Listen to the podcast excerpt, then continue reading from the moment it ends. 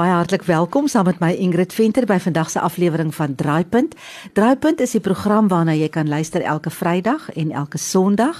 En dis die program waarin ons vir jou vertel hoe die Here gekom het en hoe hy 'n groot verskil in iemand se lewe kom maak het. Waar daar waar hy dinge sommer net kom omkeer het en kom verander het in iemand se lewe en daai persoon net so bietjie tot stilstand gebring het.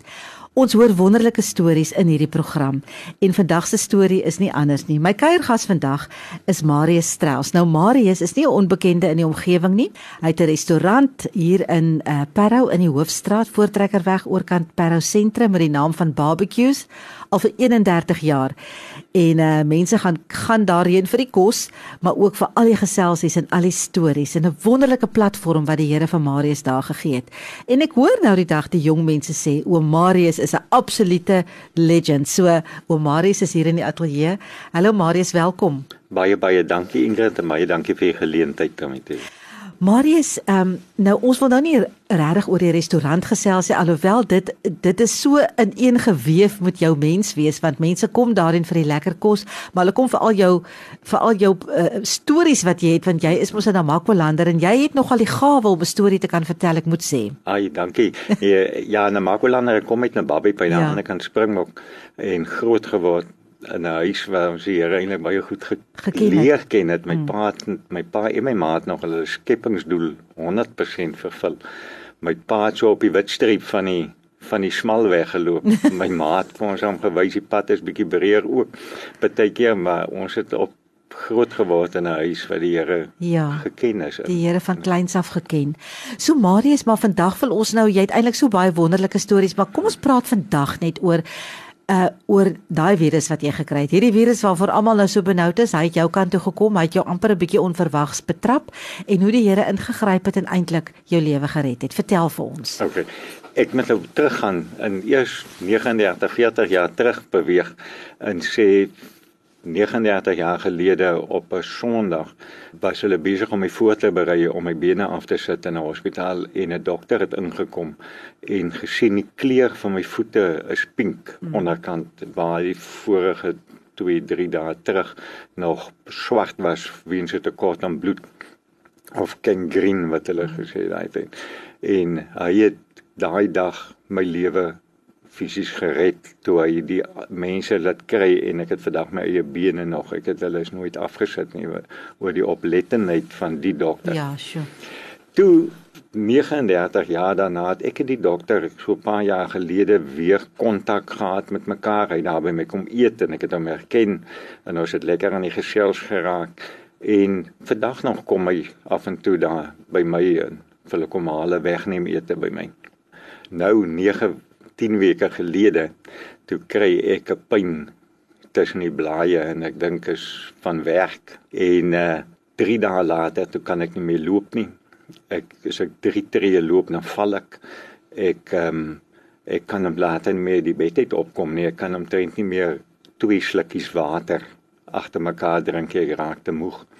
En uh toe ek by die dokter kom toe sê hy ek moet gaan vir 'n toets vir die virus. En ek het gedink ag man ek is nie siek nie. Jy weet ek is nie daar is nie 'n simptoom wat vir my wys dat ek ek het hoes nie en ek het nie mm. hoofpyn nie en ek het nie koors nie en al die goed nie. En maar ek gaan toe maar vir die toets. En vandag sê ek vir die Here baie dankie dat ek wel gegaan het en dat die mense daar vir my gesê die toetsuitslae sal 4 dae vat kan 4 dae vat en binne 24 ure toe kry ek die uitslaa want ek het daarna gehoor as ek dit nie so vinnig gekry het nie sou ek dit miskien ook nie gemaak het nie. 2 mm. ure nadat ek die uitslag gekry het dat ek wel positief is, het my telefoon weer gelei, maar ek was so swak dat ek kon nie die telefoon optel nie. En my vrou moes die telefoon optel en dit my oor hou.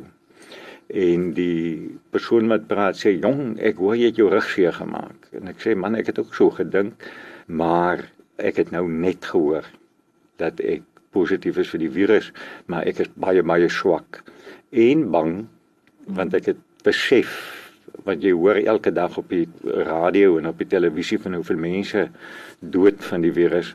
Was ek bang. Ek was bang want ek was bekommerd oor myself om dood te gaan as ek nie eh, mense seker nie te veel vrees nie. Maar daai onbekende nie. Daai onbekende mm. en soos ek vir iemand nou eendag gesê het, kyk ons almal wil eendag hemel toe gaan. Maar ek het nog nooit iemand gesien wat oorhaastig is om te gaan nie. Ek is ek en ek is een van hulle. In 'n geval en die ou sê vir my toe ek net vir hom vertel dat ek swak is, sê vir my jong, drink 'n disprin. Ja. Jy's besig om te versmoor. Jy kry nie suurstof nie. Jou bloed is nie reg nie. So iets. En my vrou Christel gaan en sy gaan gooi onmiddellik een van die ou grootes in 'n glas water en ek drink hom in 'n paar minute later. Toe begin voel ek beter alhoewel ek nog baie baie siek was en swak was. In elk geval die ou wat toe nou vir my gesê het drink jy pil. En dis waar ek begin dink het hoekom? Waarom? Toe hy klaar vir my gesê het toe sê ek maar wie praat nou toe sit na 39 jaar die eerste keer wat ek en daai dokter wat 39 jaar gelede my lewe gered het wat hy uit die bloute uit vir my bel hy het mm. 39 jaar het ons nooit met mekaar telefonies kontak mm. gehad nie mm. en hy bel my op die regte tyd sure weer en sê vir my 2 ure vroeër gebel het, kon ek nie vir hom gesê het wat ek moet keer het nie, kon hy nie vir my gesê het wat ek moet doen nie. Ja. En ehm um, na ek nou met hom na die pil gedrink het en ek begin beter voel het, het ek begin vra vra en begin wonder, dis nie die eerste keer wat die Here iemand op my pad sit wat ek nie weet hoekom kry ek hierdie ekstra genade en hierdie hmm. onverdiende genade nie hmm. want want ek ken myself in die mense wat van die luisteraars wat my ken sal ook weet dat ek is ek is baie keer baie woelig ek is so sondaar ek is ek doen goed wat eintlik nie gedoen moet word nie ek ek en ek twyfel baie aan myself aan my aan my geloof want ek ek wonder hoekom is die Here vir my so lief? Mm. vir my Marie Strauss nie vir Piet of vir Koos nie. Hulle is ook hy's lief vir hulle ook maar hy's verskriklik lief vir my.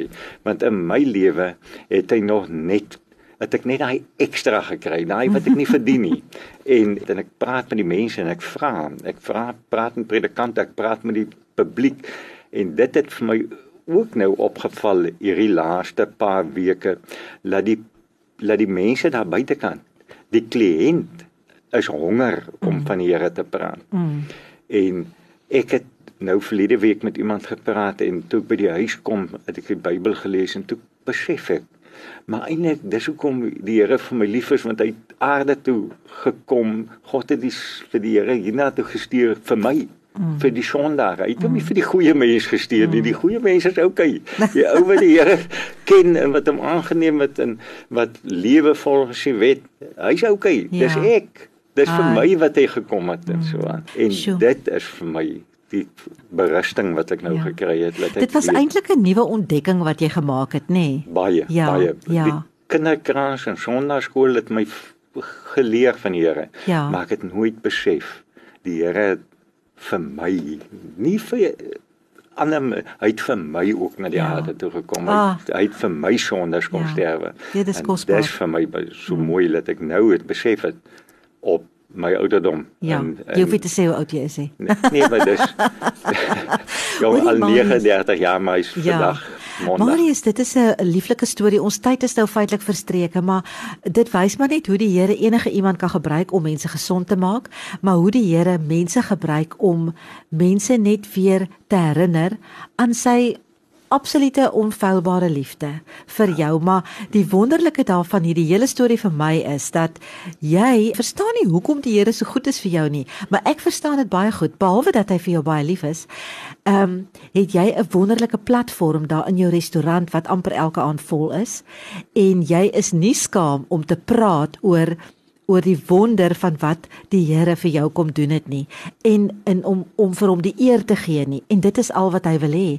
So dit is hoekom hy dit vir jou kom doen het want jy het hierdie platform onder jong mense en almal wat daar kom om te vertel. So ek wil jou aanmoedig en vir jou sê hou aan om te vertel, hou aan om te vertel van die Here se goedheid.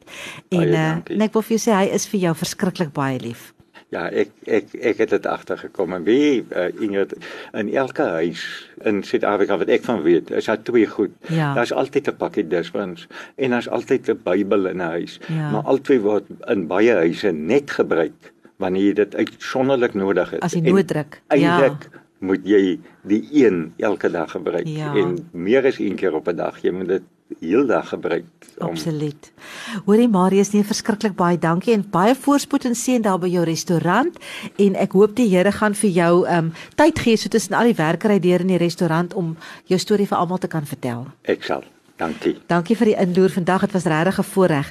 Dit was Marius Strauss en gaan loer in daar by barbecues. Jy moet maar die nommer gaan Google, maar jy moet plek bespreek anders dan gaan jy uh dan gaan jy daar aankom en dan gaan hulle te vol wees om vir jou te help en dan gaan luister jy na al sy stories. Van my Ingrid Venter tot 'n volgende keer dan. Totsiens.